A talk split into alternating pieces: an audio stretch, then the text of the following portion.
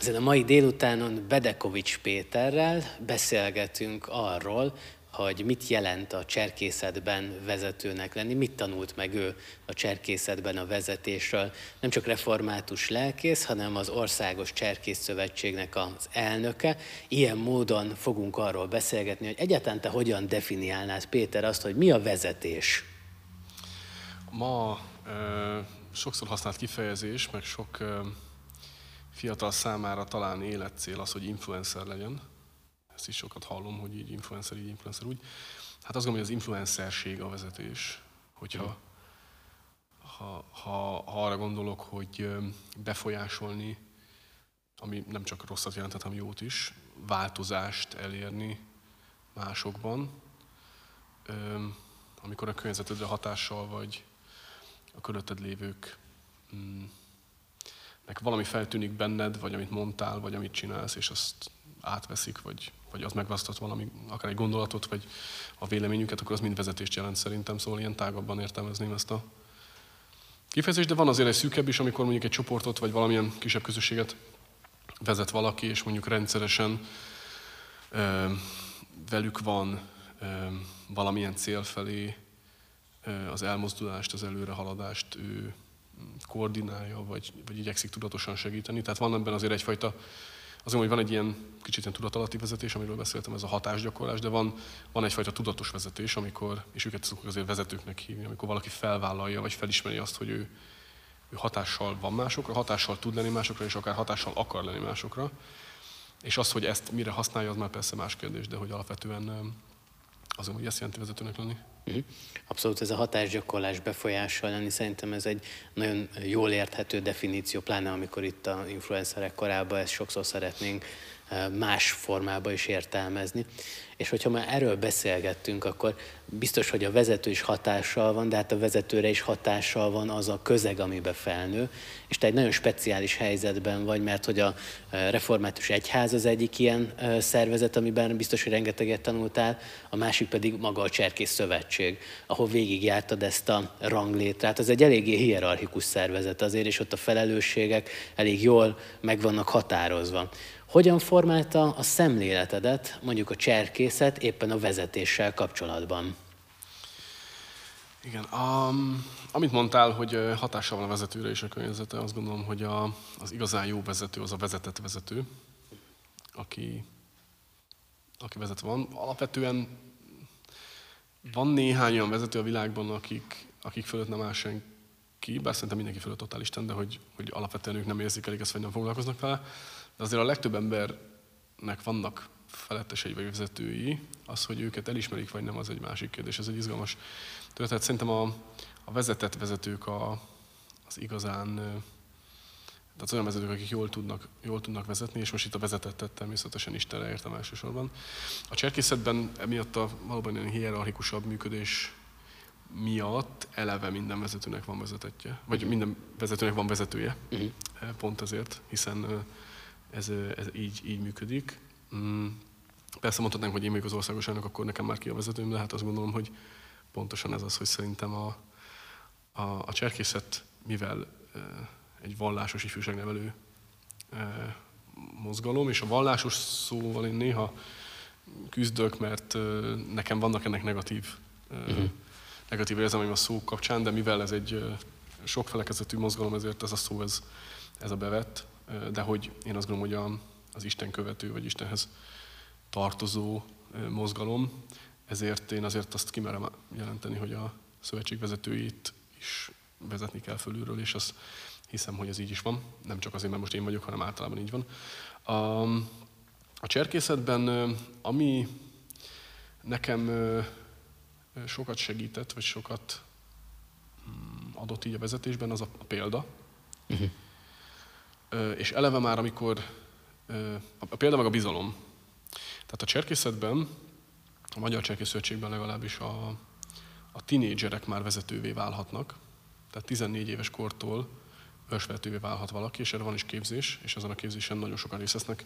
Idén-nyáron a táborokban ö, olyan 350 tinédzser vett részt képzésen vezetővé Kifejezetten ilyen vezetőként. Vezetőkészítőtáborban, igen, igen. És, és ott is ez a, ez a, a példa, ez a, a standard mondatunk, vagy ez egy ilyen jelmondat kb., hogy a vezetés példa. A vezetés elsősorban példa, és ezt, uh-huh. ezt ha valamit egy ősvezető, egy 14-15-16 éves ősvezető megtanul a vezetőképzésen, az ez a mondat. És, és azt gondolom, hogy ez, ez, ez ténylegesen meg is tapasztaltam a, a cserkészetben, hogy, hogy akár a saját vezetőimnek, akár a, a vezető társaknak, de még azért sokszor a vezetetteknek is a példája által tudsz jobb vezetővé válni, vagy fejlődni. Ez egy, igazából a kereszténység is erről szól, uh-huh. csak valahogy nem, ilyen, nem mondjuk ennyire kitisztán, vagy, vagy valahol ez picit így elbújik. Mert azt gondolom, hogy egyébként pont a, a, a katolikusoktól ezt ebben azért lehet tanulni, hogy ott a, ha a szentekre ilyen példaként nézünk, akkor azért ők talán a példákat sokkal, tehát az emberi példákat sokkal többször használják, mint mondjuk, mondjuk nem tudom én, refátusként. A másik, amit mondtam a, a példaadás mellett, és ugye a példánál azért a személyes példa a legfontosabb. A cserkészetben néhány évvel idősebb vezetők vezetnek, tehát mondjuk a uh-huh. 10 éves cserkészeket 14-15 éves vezetők vezetik, a 14-15 éveseket 4-5 évvel idősebbek, vagy már felnőtt vezetők, és így tovább így a, a, a korban való közelség is segít a példaadásban. És itt jön a másik a bizalomnak a kérdése, ami számomra természetessé vált, mert ebbe így bele nőttem a cserkészetben, bár én 15 évesen lettem cserkész, szóval egyből vezetőként kezdtem. De ott eleve azt tapasztaltam, hogy 15 évesen rám, rám mernek bízni. Uh-huh. Gyerekeket is megbíznak bennem. És nekem a cserkészetben ez teljesen természetessé vált, hogy a tínédzserekben meg lehet bízni uh-huh. hogy a fiatalokban meg lehet bízni, és azt látom így a cserkészeten kívüli világban, hogy ez nem annyira egyértelmű. Uh-huh. És én ezt látom például a cserkészet erejének, így a vezetésen keresztül, hogy, hogy rá, rá merünk bízni komoly dolgokat, ősöket, ez, ez, ezek gyerekek, gyerekcsoportot kölykökre gyakorlatilag, alig idősebb fiatalokra. És ez a fajta bizalom, ez egy ilyen, ilyen inkubátor, amiben így lehet növekedni, be lehet erősödni. Ez a bizalmi légkör, ez, ez egyszerűen egy annyira erős ilyen közeget ad arra, hogy a, a fiatal felnőjön a feladathoz, megerősödjön a feladatban. Az nagyon fontos, hogy alapvetően nem, nem olyanokat nevezünk ki, vagy választunk meg vezetőnek, aki már tökéletesen megfelel annak a feladatnak, hanem annak, aki már majdnem megfelel neki. Uh-huh. És a feladatban belenő a feladatba igazából, és már akkor adja át, amikor már igazából teljesen megfelel neki. Aztán. De hát akkor ez azt is jelenti, hogy mondjuk szembesültek azzal, hogy ha még nem ott tart, ahol mondjuk a feladat megkívánja, hogy azért ezek a vezetők a tanulási folyamat során hibáznak. Tehát, hogy akkor hogy kezelitek azt, amikor valaki hibázik? Mert az egyik legnagyobb vezetői kihívás szerintem pont a hibákat kezelni. Pont most mondta nekem valaki a héten, hogy általában a bajnak nincs gazdája. Tehát, hogy így ez egy ilyen belém nagyon belém éget mondat, hogy a bajnak nincs gazdája, hogy a hibákért nem nagyon szoktuk vállalni a felelősséget, de hogy akkor a cserkészetnek a kultúrájában elvileg az benne van, hogy mivel nem vagyok tökéletesen alkalmas, tehát tanulok, akkor azért benne van, hogy hibázhatok szabadon, és valaki majd segít abban, hogy ezt a hibát kiigazítsam, vagy hogy? Én azt gondolom, persze biztos, hogy benne, hogy lennének olyan cselekvészvezetők, akik ezzel nem értenek egyet, amit most mondtam, de én kimondatlanul azért ezt látom. Sőt, azokban a vezetőképzőkben, amiket én eh, még az elmúlt években vezettem, ott én mindig el is mondtam, hogy, hogy ez az egész arról szól, hogy, tanulj, hogy együtt hibázzuk végig ezt a képzést, vagy ezt a tábort, vagy ezt a bármit, és hogy nem az a baj, hogyha valaki hibázik, hanem az a baj, hogyha ha nem foglalkozik utána a hibájával, vagy nem akarja kijavítani, nem akar belőle tanulni. Nem az a baj, hogyha én, én most az egyetemi gyülekezetem is mindig ezt eh, szoktam mondani, hogy alapvetően, amikor valaki egyetemista lesz, és eljön, elszakad a, mondjuk a családjától kicsit távolabbra, és elkezdi megtapasztalni, hogy milyen kicsit az ilyen szülőktől szabad élet, és ebben mondjuk belecsúsznak hibák, mondjuk egy-egy este, amikor sörzik a az új barátokkal, és hát kicsit túl sok alkoholt iszik, és mondjuk másnapos lesz. Nem azt mondom, hogy ez, ez nem hiba és ez nem baj, viszont hogy alapvetően nem attól kell félni, hogy egyszer mondjuk túl sokat iszik, hanem uh-huh. attól, hogyha ezt nem ismeri föl, és nem tanul belőle. Uh-huh. Tehát a határaidat akkor tudod megtanulni, ha eléred a határaidat.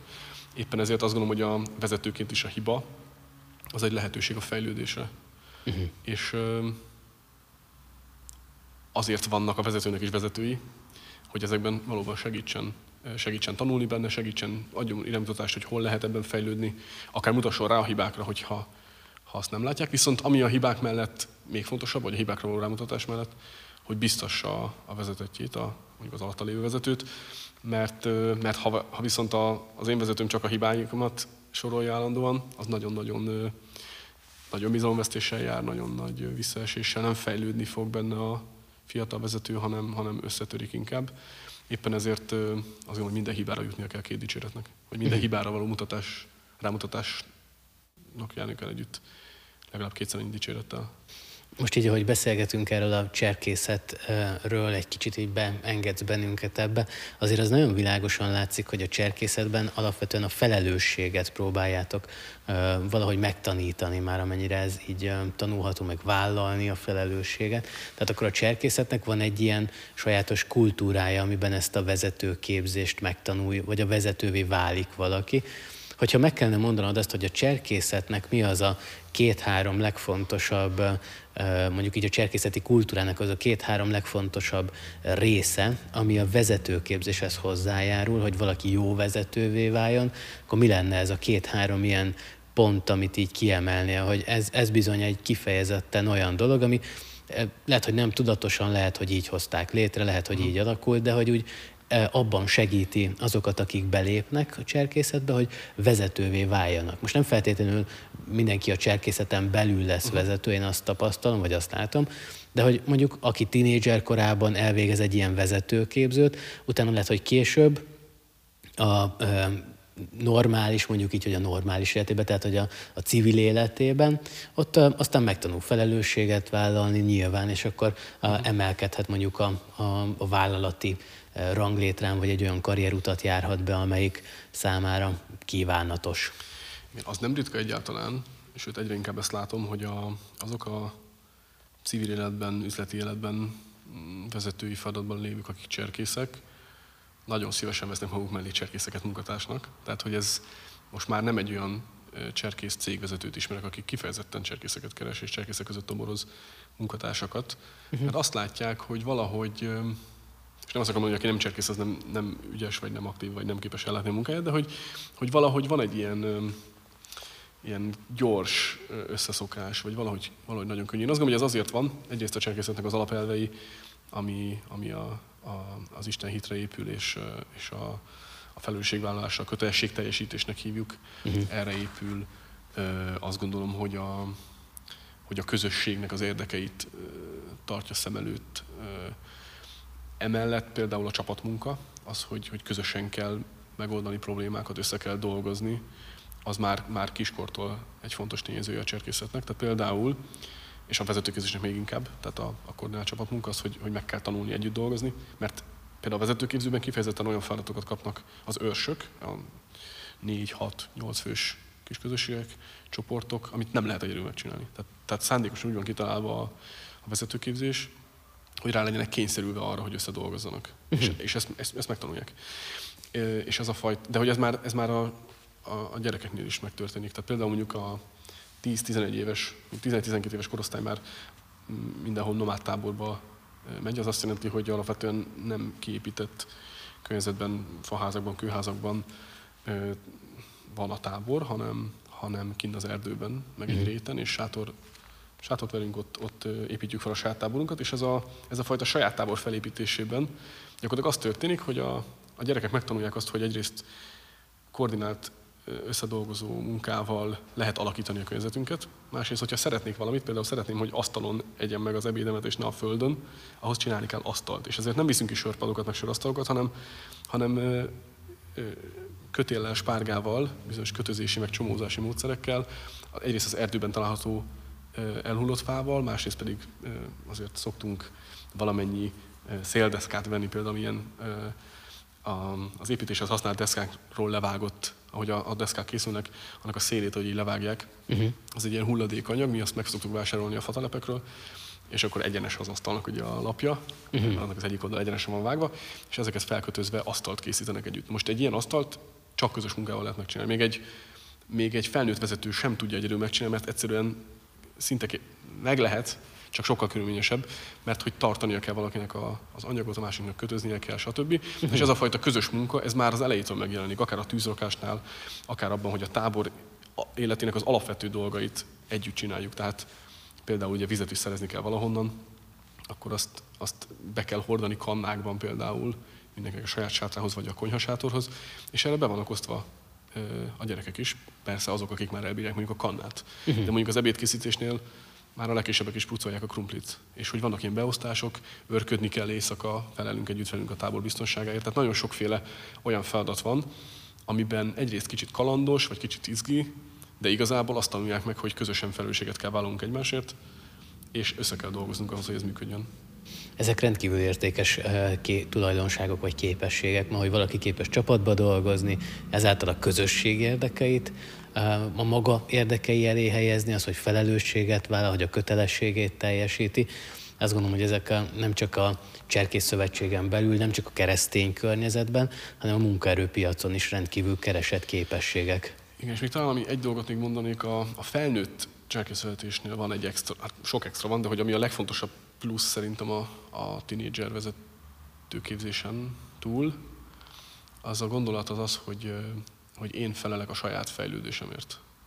Tehát onnantól kezdve, hogy felnőtt az ember, mi azt tekintjük felnőtt vezetőnek, aki az önmagát neveli és önmagát fejleszti. Tehát gyakorlatilag a, azt mondjuk, hogy aki még nem felnőtt vezető, ott a vezetőt felel azért, hogy, hogy a te fejlődésedet segítse és kísérje és iránymutasson.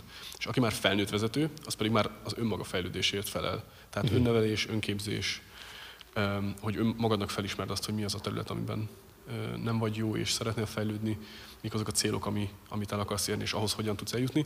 Ez nem jelenti azt, hogy egyedül kell csinálnod, de azt tanítjuk a, egyiket ők is fiatalok alapvetően, 18-23 évesek jellemzően, azt tanítjuk, hogy a saját kezébe kell venni a önmagának a fejlesztését, vagy az önmagának a, a nevelését, képzését, és hogy ez szerintem nagyon fontos, hogy egy ilyen tudatos, ugye az a uh-huh. Mhm. LLL, a, a lifelong learningnek a, egyfajta ilyen erősítése, hogy, hogy igazából rajtad múlik, hogy, hogy úgy maradsz, ahogy vagy, vagy, vagy ebből szeretnél előrelépni. Uh-huh. És azon, hogy ez a hit területén is tök fontos, hogy, hogy nem tudom magamat mm, megtéríteni, de aki már eh, hitre jutott, annak fel kell ismerni azt, hogy, hogy az, hogy a hitemben növekedjek, akár, szerintem főleg a szolgálat által, az nem csak úgy történik velem, hanem ebben nekem aktív részem van, és ezt tudatosan lehet keresni a gyülekezetben, a közösségemben, a családomban azokat a szerepeket, feladatokat, területeket, amiben fejlődhetek, és ez uh-huh. nagyon fontos. Tehát, hogy tulajdonképpen akkor ez az, ez az alapelve, ez azt jelenti, hogy a, a növekedés az nem véletlen dolog, hanem az választásnak a kérdése, és akkor itt valaki tudatosan vállalja a személyes életéért, a személyes növekedéséért a felelősséget. Azt gondolom, ez egy nagyon jó példa a vezetés terén, hogyha valaki tudatosan uh, igyekszik saját magát fejleszteni, és akkor ezáltal hitelesebb, jobb példává válni, ezek, ezek pozitív dolgoknak tűnnek. Igen, a cserkészetnek van egy ilyen jelmondata, hogy egy, egy jobb világért dolgozunk. Mm.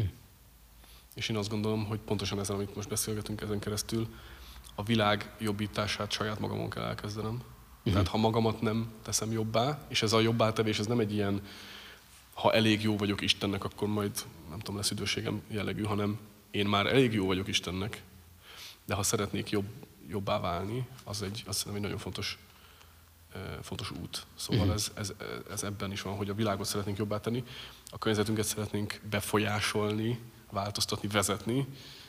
Szeretném, hogy a világ jobb legyen, szeretném, ha az országom jobb lenne, ha a városom jobb lenne, ha a gyülekezetem jobb lenne. Abban nekem szerepem van, és magammal kell kezdenem. Uh-huh.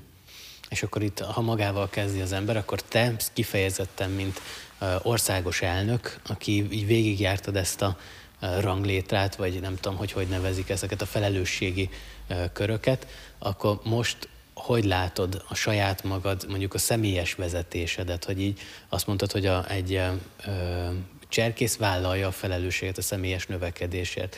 Országos elnökként mi az, amit a leginkább így magad előtt látsz, hogy feladat a személyes vezetésed terén, a személyes növekedés terén, amivel aztán nyilván az egész szervezetre hatással leszel? Alapvetően a, a cserkészetben öt nevelési területről beszélünk.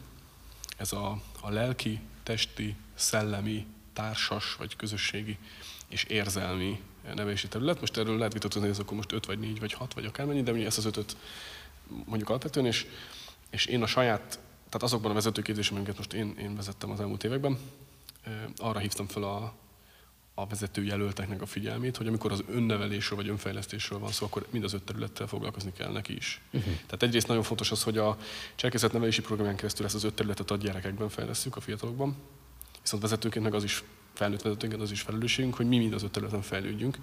Éppen ezért van egy ilyen kis saját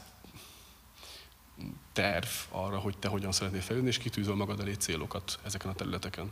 Nem feltétlenül kötelező mind az ötre választani, mm-hmm. a vezetőképzés keretén kötelező mindegyikre választani azért, hogy ki megnézze, de hogy alapvetően az nem lenne életszerű, hogy akkor én mindegyikből egyet választok folyamatosan, folyamatosan, de érdemes folyamatosan vizsgálni azt, hogy hogy állok saját magam, és mi az, amiben fejlődnék. És akkor ezek, ezek alapján azt kell mondjam, hogy egyrészt én úgy látom, hogy a lelki területen mindig érdemes uh-huh az, mindig érdemes foglalkozni, tehát hogy olyat nehezen tudok elképzelni, hogy bármikor azt mondjam, hogy ezen a területen most éppen nem kell fejlődnöm, uh-huh. mindig van. Tehát ott azért alapvetően az Isten kapcsolat Tom nekem időnként hullámzik. Most éppen azt érzem, hogy, hát azért az ima életem lehetne sokkal erősebb, és szeretnék uh-huh. sokkal erősebb ima. Tehát például ez egy példa, hogy Lám Lám, a Cserkész Szövetség elnöke, aki még ráadásul lelkész is, az ima életével küzdhet, szerintem igen, és ezt szívesen vállalom is. Tehát például ez, ez egy ilyen terület. Egyébként pedig mm, jó kérdés, hogy az, az melyik területnek a, a, a, a része. Én most azt látom, hogy leginkább nekem a delegálásban kell fejlődnöm, tehát hogy minél jobban megint a bizalom, megbízzak másokban, hogy el fogják tudni végezni ezt a munkát jól. És a delegálásnak még nem is a bizalmi részében kell sokat fejlődnöm, mert azt azért elég jól tudok megbízni másokban, hanem a, a feladatnak a jól körülhatárolásában. Tehát, hogy minél Aha. pontosabban fogalmazzak. Például ez lehet inkább szellemi terület, hogy én megtanuljam, hogy minél, minél erősebb abban, hogy pontosan körül tudjam határolni. Üm, illetve ami, ami látszik, hogy mondjuk országos szintű vezetőként a, az emberek összekötése fontos. És ezt is tanulnom kell, ez mondjuk társas terület, ha mondhatok ilyet. Tehát nem az a fontos, hogy hozzám eljussanak információk, mondjuk tőled, Aha.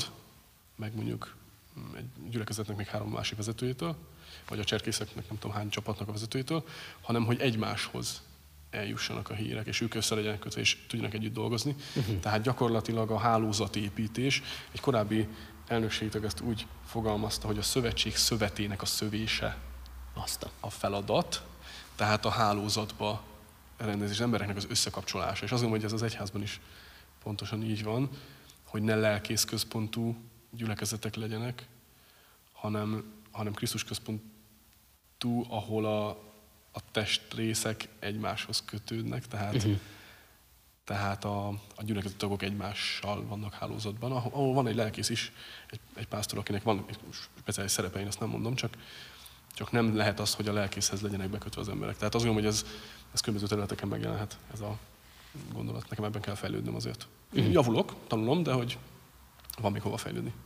Ez azt is jelenti, hogy ha most így jól értelek téged, hogy akár a delegálás, akár ennek a szövetség szövetének a szövése, ez azért eh, rendkívül eh, kapcsolatorientált feladat. Igen. Tehát, hogy inkább a másikra való figyelés van benne mi az, ami így a személyes hatékonyságot szempontjában, mert hogy a vezetésnél szokták ezt a leadership-et úgy is fordítani magyar, hogy ilyen személyes vezetés. Tehát, hogyha mondtad ezt az öt területet, és mondtad itt az ima életed, meg a delegálásod, hogy mi volt a legjobb módszer, vagy a legpraktikusabb dolog, ami segített téged abban, hogy jobb vezetővé válj. Tehát, hogyha egy ilyen dolgot meg kell nevezned, akár egy eszközt, akár egy módszert, akár egy olyan könyvet, ami jobb vezetővé tett téged, és nagyon sokat segített, akár a szemléletedet formálta, akár a hatékonyságodat eh, előrébb segítette, eh, de hogy így, így meg tudsz nevezni valami ilyesmit, ami a, kifejezetten a személyes vezetésedben sokat adott, vagy sokat segített neked.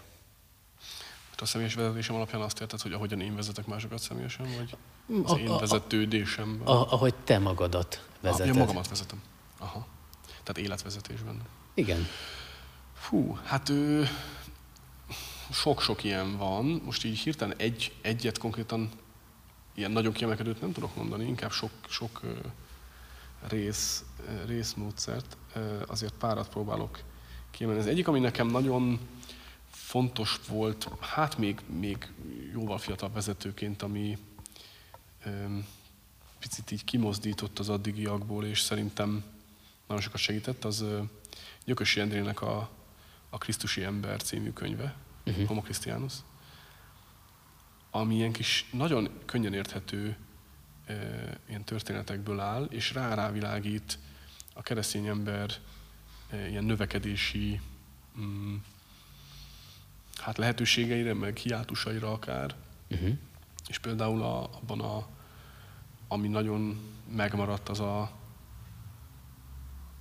a, még egy mérföldnek a lejárása és hasonló kérdések. Meddig tart a szeretetem a másik felé? Van egy történet benne, ami egy idős bácsiról szól, egy gyülekezeti tagról, akinek nagyon kopott a kabátja, és a lánya mondja neki, hogy édesapám veled egy új kabátot, és akkor valahogy meggyőzi, hogy egy új kabátot, és akkor vesz egy új kabátot, és van a gyülekezetben egy fiatal ember, aki udvarolni jár. És tél van, ugye, hiszen kabát kell. És az öreg úgy dönt, hogy, hogy odaadja a kabátját. És akkor a lánya mondja, hogy de ugye a kopott kabátot adod oda.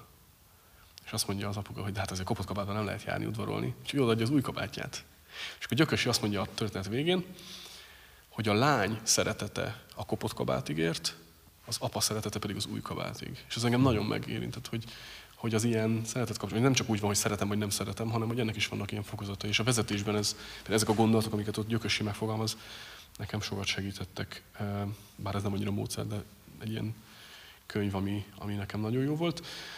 A, a másik, hát a, a, a mindenféle kommunikációs tréningek, mm, talán kiemelném a, a, a konfliktuskezeléshez kapcsolódó uh-huh. képzéseket, az értő figyelemre felkészítő, hogy tényleg azt hallom, amit a másik mond, vagy azt hallom, amit én gondolok, hogy a másik mond. Uh-huh. Ilyen módszerek, amik, amik ez a figyelem, tehát hogy hogyan tudok figyelni másikra. És, az, és aztán az segít abban, hogy magamra is hogyan figyelek, meg az előző a gyökösi féle példa is, hogy, hogy, hogy magamat szeretem és, és a szeretetem saját magam felé meddig ér. Tehát én, én azt vettem észre, hogy szinte minden, ami, ami a saját életvezetésemben segít, azt tud segíteni a mások vezetésében is, és ugyanígy fordítva, amit arról tanultam meg, hogy másokat hogyan kell kezelni, és hogyan kell segíteni, azt igazából, hogyha visszafordítom saját magamra, akkor abban is tud segíteni, hogy önmagammal hogyan vagyok. Kicsit az, az érzésem van, mint hogyha az embernek önmagával is kapcsolatban kellene lennie, ami uh-huh. egy nagyon fura dolog, ezt persze sokan mondják sok, sok helyen sokféleképpen, úgyhogy ebben én érzek egy ilyen párhuzamot, és akkor még egy dolgot mondok, ami nagyon segített, az pedig a naptár. a Google naptár. Azt jól megtanulni, kezelni és használni, az nagyon jó. Tehát az, az fontos. Akinek nincs esze, legyen notesze. Ez a fajta időmenedzsment, igen, hát sok ilyen van még. Uh-huh. Sok is praktika. És most, hogy így a beszélgetés végéhez érkezünk lassan, azért az is egy kérdés nekem, hogy te, aki így az ifjúsági munkában nagyon aktív, vagy a jövő vezetőivel elég sokat foglalkozol, a jelen vezetőivel meg kapcsolódsz, hiszen azért elég sok ilyen feladatod is van. Mi az, amit úgy látsz, hogy most a vezetés legnagyobb kihívása 2020-ban, amikor éppen beszélgetünk, hogy mi, mi ma a vezetésben, vagy a vezetőknek a legnagyobb kihívása, amivel szembe kell nézniük, és nem tudják kikerülni ezt a kérdést, hanem így bátran bele kell állni, és erre a kérdésre előbb vagy utóbb válaszolniuk kell.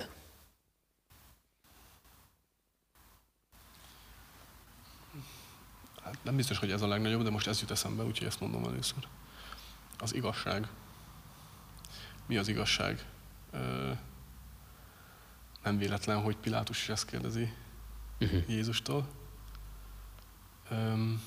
Itt a fake newsnak a világában a tévhírek, meg álhírek, meg, meg híresztelések, és eddig is voltak, de hogy annyira gyorsan terjednek, és annyira korlátlanul, és azt gondolom, hogy talán talán az a legnagyobb kihívása egy vezetőnek, hogy amit, ami információt begyűjtöttem, ami kell ahhoz, hogy döntsek, hogy az tényleg megbízható vagy nem megbízható, valódi vagy nem valódi, ez csak az én érzékelésem, néhány embernek a véleménye, vagy tényleg a megoldás, vagy a, az igazság, az szerintem nagyon-nagyon nehéz. És akkor gyors hozzáteszem a ki az igazság uh-huh. kérdést, hogy azt gondolom, hogy a, arra, hogy mi az igazság, nem lehet Jézus nélkül választ találni. Tehát talán a, az igazsághoz, a nagybetűs igazság, nagy, nagy az és a nagy ívelkeződő igazsághoz, Jézus Krisztushoz való hát szilárd kötődés, ragaszkodás. Ma, amikor a, a kereszténység, mindig is voltak nagyon sokszínű vélemények a kereszténységen belül, hogy mi a tanítás, vagy mi a követendő, mi az erkölcs, mi az etika, mi a, a dogmatika, mindenféle ilyen kérdésekre. Hát ma is ezt látjuk, és nagyon-nagyon vigyázni kell szerintem, hogy az elfogadás, ami fontos, az, az, az nem korlátlan. Hm.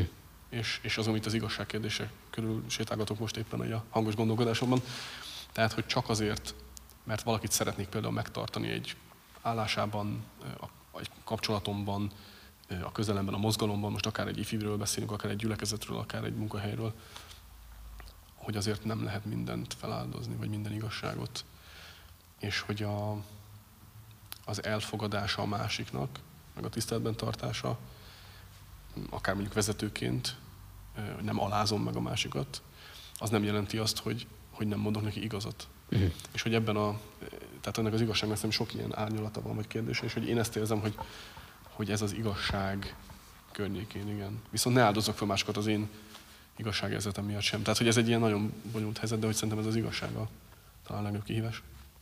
Abszolút, ez egy eh, nagyon izgalmas téma, meg egy nagyon izgalmas kérdés. Nagyon szépen köszi, hogy ezt a beszélgetést így eh, megejtettük. Sok áldást kívánok az életedre, szolgálatodra, a vezetésben való fejlődésedre, és Isten vigyázzon rád, és tegyen áldássá mások életében is. Köszönöm szépen, ő áldjon téged is. Köszönöm szépen. Isten áldjon benneteket.